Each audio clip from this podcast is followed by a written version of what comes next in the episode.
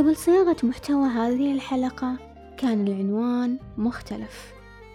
كان مرتبط بالذاكرة الذاكرة المحفورة اللي ما أملك القدرة على تغيير أحداثها. تقبلت بأني مو لازم أكون قادرة أني أعبر عن جميع مشاعري لأن بعض الأمور تحتاج منك فقط التقبل.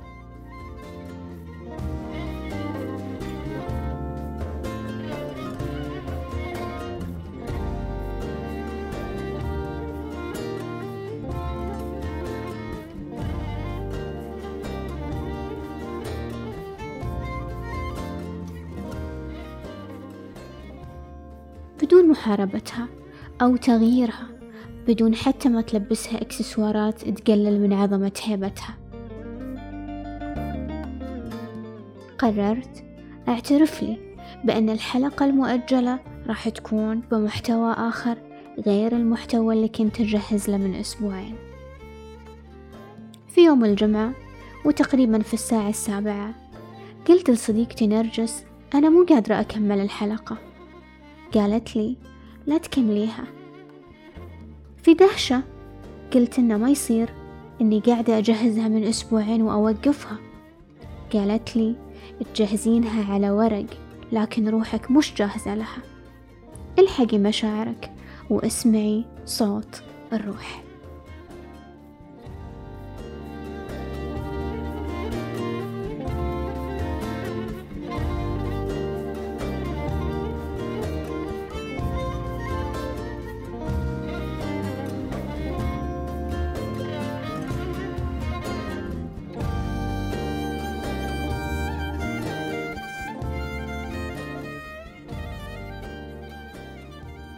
ولأني قررت أسمع روحي جت هذه الحلقة بهذا المحتوى.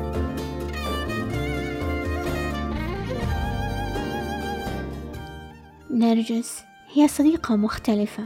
الصديق النقيض تماما لك بكل المقاييس.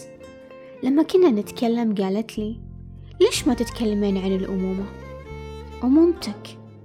كيف ممكن كلمة واحدة فقط؟ تشاف الكثير من المشاعر في داخلك. أمومتي وقبل ما تاخذني أفكاري جاءت نرجس. قالت الأمومة مش أطفالك الأنثى أم الفطرة. الأمومة أطفال الجيران الأمومة أخوانك الأمومة أطفال المدارس. من هنا كانت انطلاقة محتوى حلقة اليوم بعنوان أم فطرية. شكرا نرجس.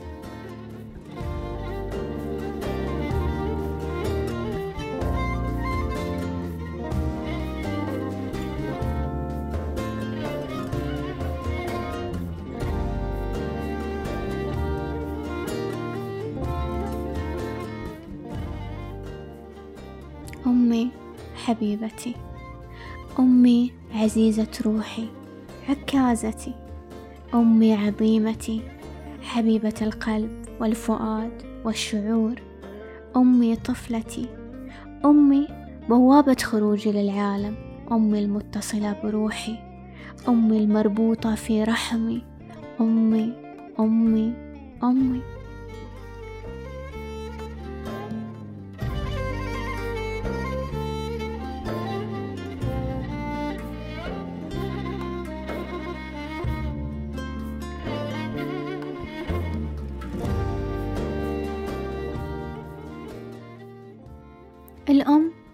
هي أساس العلاقة بين الإنسان وذاته. طاقة الأمومة أو جذر الأم مثل ما يقولون عنه في الطاقة يعلمك تتعامل مع عالمك الخاص عالمك الداخلي يصنع فيك توازن أو عدم توازن يصنع منك هادئ أو مضطرب. أمك هي أول صورة أنثى تستوحيها في حياتك. هي أول مصدر غذائي عاطفي نفسي. أمك هي الصورة الأولى والأقوى اللي ترسم فيها بنفسك أعظم صورة لك ولمشاعرك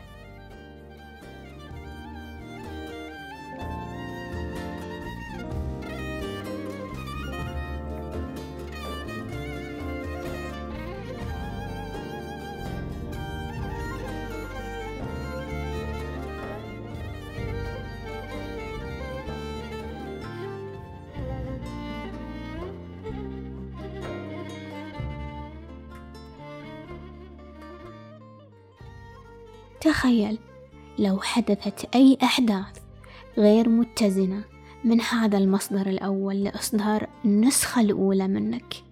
تبدأ تشعر بالانهيار لأن الأمان الأول هي أمك. صعب تقدر تستوعب أن المصدر الأول والوحيد وقتها ممكن يقلب عليك. صعب تشوف الأمور من زاوية أخرى لأنك اخترت أنك تشوفها بدون نظارة.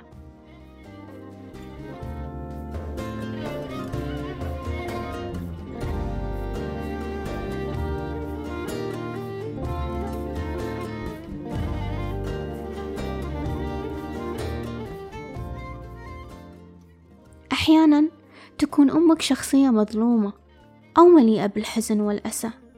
تنقل لك بدون إدراك منها كل مشاعر الألم عن طريق الرضاعة أو حتى عن طريق عقلك الباطن وذكرياتك عن الأم في كل موقف تشوفها فيه تتأذى.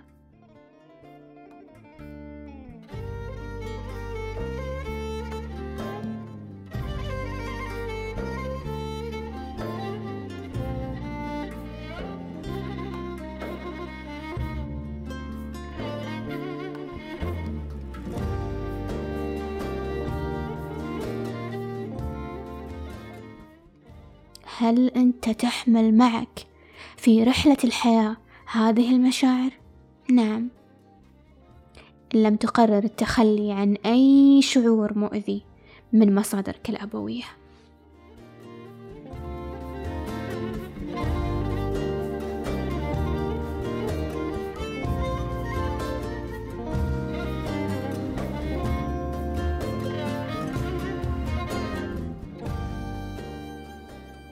لأنك في السنوات الأولى صنيع أبويك.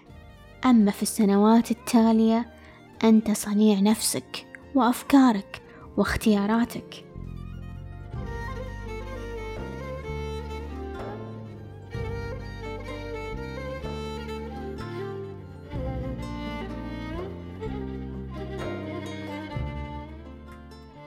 في بعض القصص لازم تستوعب اختلاف الآخر. والمقصود بالآخر في هذه الحلقة أمك وأبوك. لأن حتى في القرآن ما ورد أي شيء عن تربيتهم لنا ولا حتى عن حقوقنا عليهم في التربية. كل ما ذكر في هذا الأمر كان فقط يخص الإرث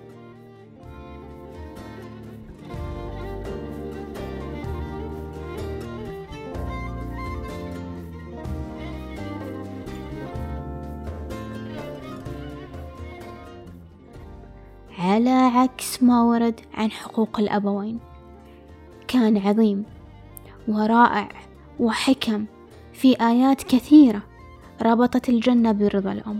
لك أن تتخيل عظمة هذا الأمر؟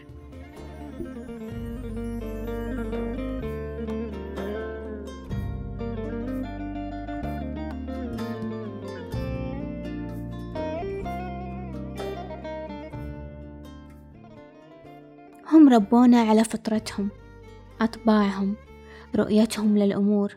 ربونا بقدر المستطاع حدود المستطاع مختلفة بين نظرتنا ونظرتهم.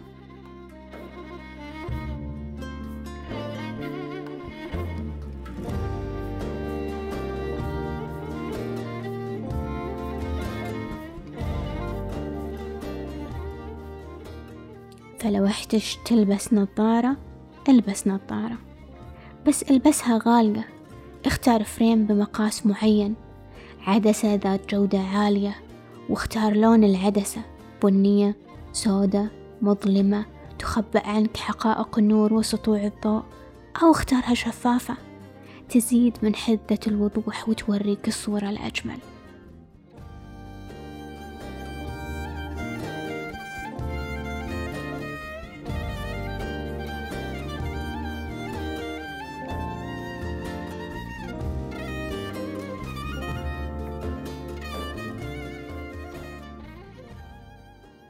شوف الصورة الأجمل. ولو أمك موجودة صير لأمك أم إيه صير أم فطرية. تخشى على مشاعر أمها مهما أساءت لها. تخاف الله فيها مهما تجاهلتها. وأعطي للعمر اللي مضى في تربيتك قدر. لما تيجي تمارس إنسانيتك في رحلتك القصيرة في الحياة مارسها معاهم هم في العائلة. لأن العائلة هي مصدر الأمان الثاني من بعد الله. ومثل ما قال الأستاذ ياسر في فن العلاقات مد العجينة. لا تترك الأمور ضيقة مددها. وإذا كانت الرؤية تحتاج لنظارة وردية البس النظارة الوردية.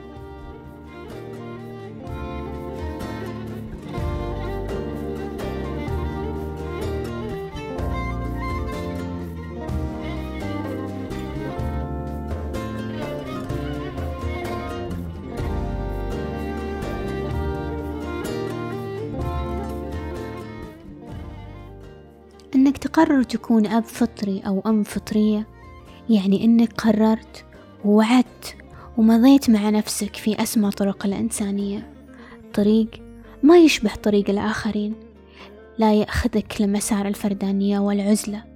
طريق يرمي سياسة الاستبدال في عرض الحائط لأنك في كل مرة تقرر بكل سهولة تستبدل الآخرين وتلغي أهمية إنسانيتك فأنت تترك جزء كبير من روحك الآمنة في الطريق.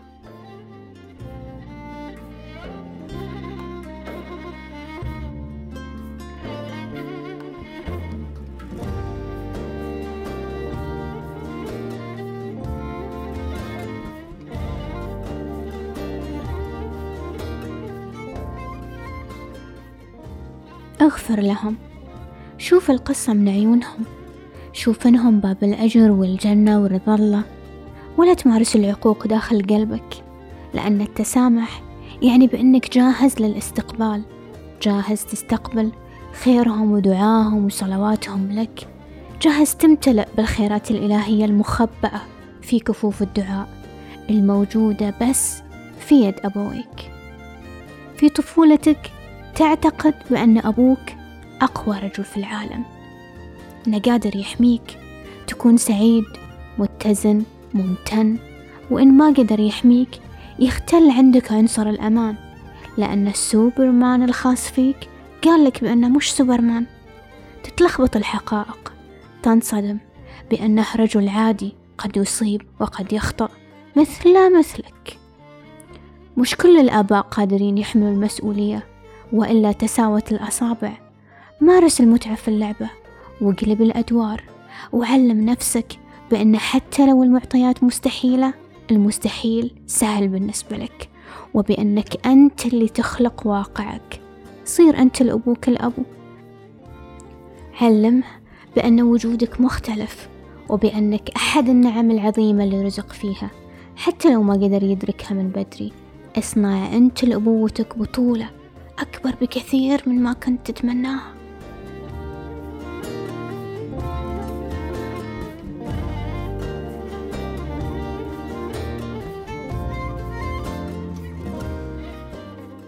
مرة من المرات كنت أسأل أمي إيش يعني لها كل واحد منا إحنا الستة؟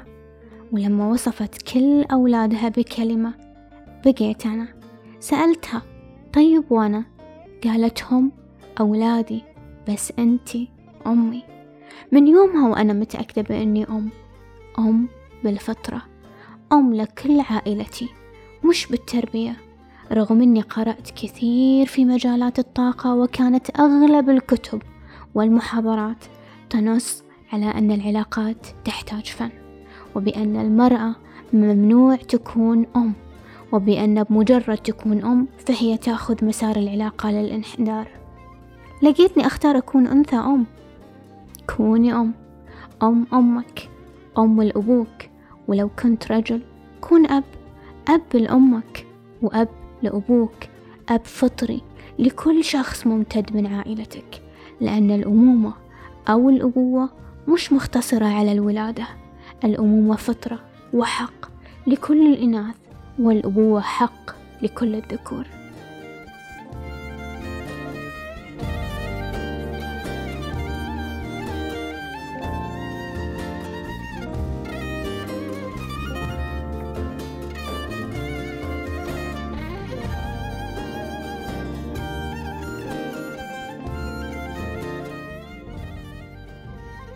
مرة من المرات طاحت بنتي الصغيرة وجات تبكي.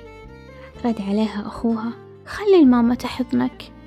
قالت له بس الماما مش لزقة قال لها حمود أمي تملك حضن سحري لأن كل الأمهات سحريات. كيف طفل ما تجاوز الست سنوات ممكن يصف عاطفة وقوة الأم بأنها سحرية؟ في هذا البودكاست أنا أشكر أمي. شكرا ماما سيدة على العمر. شكرا على التسع شهور شكرا على الصبر وشكرا على التربية اللي مهما كانت مليئة بالثقوب فأنا أثق بأنها كانت أقصى ما تملكين. شكرا ليدك اللي ياما احترقت وهي تطبخ لنا ولشعرك اللي ملاه الشيب عشان إحنا نتلون ونكبر ونزهر. شكرا لأنك علمتيني أن الأم أنثى وأن الأنثى أم وصنعتي مني شخص يحاول قد ما يقدر يحسن الظن ويشوف الدنيا صغيرة مهما عظمت. كانت معاكم قدس في حلقة بعنوان أم بالفطرة في أمان الله.